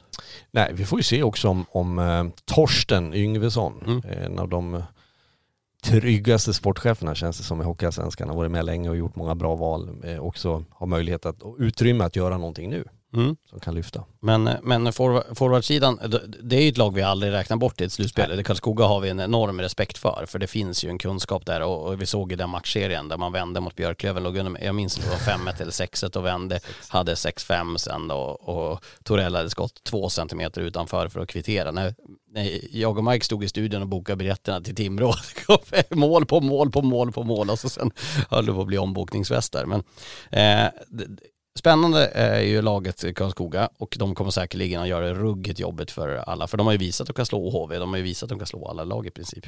Håller med. Kristianstad. Mm. Nu har vi pratat om alla lag förutom Kristianstad. Vi sparar eh, skärmlaget i Hockeyallsvenskan den här säsongen till sist. Ja. För skärma oss har de gjort och de har ju skärmat hela Hockeyallsvenskan. Visst är det så. Och jag, jag gjorde någon intervju för en tidning här och svarade på lite frågor kring Kristianstad häromdagen och jag uttryckte mig något i stil med jag tror inte det fanns någon. Och fanns det någon som trodde att det skulle vara ett topplag så är det bara att gratulera. Och då var det en, heter han Max Strömberg. Ja, exakt, journalisten är det. Ja, som hörde av sig att han hade gjort det som jag förstod. Jag har inte konverserat något mer med honom. Men, men det var bara att gratulera om han tänkte så, för jag tror inte många gjorde det. Men de har ju hittat, eh, lång story kort summerat, jag tycker man har rätt importer som går främst som levererar. Man har två bra målvakter. Eh, Joel Gistedt jobbar med dem, gör ett bra jobb. Man har eh, karaktärer i Herman Hansson, Malte Sjögren, Krupic. Det finns de här spelarna som, som jag känner, vi pratade tidigare i podden här om, som gör saker och ting, samma sak match efter match efter match. De ökar trycket på träning. Jag tycker också att Gat och Piva, Peter Johansson, tränarna där, ger ett väldigt eh, bra intryck på mig. Jag vet att Gat ser ut som en maniac i båset. Han, ja, är... han har ju den auran ja. i båset. Han är väldigt passionerad och extremt energisk. Ja. Men det är ju skit, eh, skittrevlig Mycket sympatisk och tycker jag bra i sitt resonemang. Jag satt med dem på hotellet i Västerås efter den matchen. De råkar bo på samma hotell som jag och mina simor kollegor svek mig. Ja, trist. Ja, jag åkte därifrån. Ja. Jag lämnade dig. Ja, Ibland behöver vi göra det. Satt jag. Nu ska vi podda ihop också. Ja, där satt jag, vi, ska, ja, vi får välja våra tillfällen. Men då satt jag mig för att ta en öl eh, på hotellet och inramlade Kristianstad och de kom och satte sig med mig då, ledarstaben där och jag, jag, fick en väldigt intressant timme att höra deras tänk och prat och, och gjorde ett bra intryck på mig. De, de vet sin plats, de, de har inte svävat iväg, de, de känns liksom resonabla och om de förmedlar samma sak till sina spelare, vilket jag förutsätter, så är det en del av förklaringen. Att man, man vet vad man har att jobba med, hur viktigt det är med arbetsinsatsen, moralen, attityden. De får uppfattas som osympatiska att spela mot, men det är ett ganska gott betyg. Ja, och som du är inne på, de har ju Rickard Olsén på backsidan, Flod är ruggigt bra, Viktor Gran är bra, Kropers, de har många riktigt bra backar, Boraman som har en offensiv mm. potential. Och så sen då den där första kedjan med Trevor Sheek tillsammans med Devon Sidoroff och då Kontos, mm. Christoph Kontos. Jag känner ju hans pappa Chris Kontos back, back in the day. Men, men eh, det där är ju en eh, ruggigt stark första kedja. Ja, och, och, och, återigen, jag tjatar om det där, men, men när det liksom faller på plats med vem som gör vad, vad du, vad du, vad du liksom hittar för roller och att du anpassar det till dem och så, så att de leder i produktion och sen har du andra som tillför fysisk spelkraft, alltså återigen rätt placerat och där är ju eh, Fredrik Dickov, ja. som vi har fått lära oss att säga, Dickov, mm. eh, tillsammans med Lindblom. Det har varit inte bara en målvakt som har varit bra, man har haft två. Eh, och eh, det finns ju något talesätt, eh, du blir ingen bättre tränare än din målvakt. Det var ju någon som önskade att vi skulle snacka om Abris. Ja. och han sa väl att de har lika dålig målvakt. Kom igen nu grabbar, de har också en dålig målvakt. Få in lite Abris-citat, ja, det, det, var det önskemål. Ja, ja, men då har vi ett, ett en per gång där. Ja, exakt. Vi lägger det där. Kom igen nu grabbar, de har också en dålig målvakt. eh, men, men det, och det är ju naturligtvis en faktor som, som stärker dem när de kanske har varit lite mer ansatta i matcherna om man har någon som sticker ut och gör någon bra save. Så att Många eh, kombinationer där som, som gör eh, Kristianstad eh, oväntat bra. Ja, vi, vi kommer att prata mer om Kristianstad och gå, gå ännu mer på djupet på dem. Men nu har vi gått på djupet med så många lag och vi har mm. pratat så himla länge. Jag Oj. tänker att vi kommer att ha kortare avsnitt framöver. Men, men nu har vi möjlighet att gå igenom ja, ja. allting. Vi kommer att prata mer SHL senare. Men Fredrik, eh, du har ju varit gäst i podd Ja. tidigare, men hur var det här? Ja, men du har det- ju hoppat in i tv, nu är det radio. Ja, ja nej, men jag får ju eh, på gamla dagar, vid 44 års ålder så får jag plötsligt bredda mitt register. Eh, Det här tror jag är bra. Det är ett trivsamt format, det är kul att prata lite djupare. Vi är ju begränsade. En ny erfarenhet för mig i tv är ju den här, vi har ju, heter det lyssning eller höring eller man har Det någonting är folk som pratar i örat. som talar om, nu är tio kvar, det blir reklam, kort, du slutar prata typ. Mm. Eh, Dra igen brödlådan. Ja, eh, och det kan jag behöva ibland. Eh, Jag vet, som också. tränare har jag gått över gränsen många gånger med så genomgångar. Du vet, man blir filosofisk och lite djupare och man vill ju säga så mycket. Man ska hålla det kort och koncist. Eh, här får vi chans att prata lite djupare och tänka till. Och jag vill också vara tydlig med att det handlar inte om att, att liksom skriva folk på näsan. Jag har inte den personligheten. Jag, är inte, jag sitter inte på facit. Jag har min uppfattning, jag har min känsla. Jag, jag, jag tycker om att, att reflektera och det försöker vi göra här. Mm. Och det är så vi kommer att försöka fortsätta, göra. Vi har fått in mängder av tittarfrågor. Det stormade in igår kväll, om än jag skrev det halv tolv på kvällen. Men jag tänker att vi fått, vi har besvarat ganska mycket i vårt resonemang. Det jag tänker också är framledes så kommer vi ha mer tittarfrågor. Vi kommer också att eh, bjuda in folk som kommer att vara med och tycka och prata om hockey. Spännande. Och, och, och framförallt det, prata om hockey. Det är det Ja. vi vill göra med det här. Ja. Vi vill prata ännu mer hockey för vi Ja. känner att prata om Hockeyallsvenskan och prata om ännu mer hockey är ju exakt det vi vill göra. Ja, och man kan göra det med klass och stil och finess. Det behöver inte vara allt för spekulativt och man behöver inte gå på ta i så man spricker alla gånger. Nej, det är väl lite det. Men vi är kanske inga sådana personligheter Nej. heller som tar i så vi spricker. Hoppas att ni har tyckt det här var trevligt. Jag tycker det var kul att sitta här. Eh, Vi ska ju nu vara ifrån varandra några timmar när jag ska göra SHL-hockey ikväll torsdag. Och så sen imorgon så, en- idag när ni hör det här så är det Modo mot HV71 18.30 drar vi igång där. Då ska Harald vara med i studion också. Han har ju snackat till sig tv-tiden. Han äter sig in. Jag är glad om jag får vara kvar någon vecka till innan han står där också hela tiden. Ja det är härligt. Eh, tyck till vad ni tyckte om det här. Kontakta mig och Fredrik på Twitter om ni har tankar och åsikter. Eh, vad heter du? Herr Soderstrom. Herr Soderström. Och jag heter ät Lars Lindberg 10, där kan ni kontakta oss. Vi ska skapa lite sociala mediekonton också där inte Fredrik är ansvarig. Bra, klokt. Och så sen då eh, hörs vi nästa fredag igen. Tack för att ni var med oss. Tack ska ni ha. Ja, ha det fint.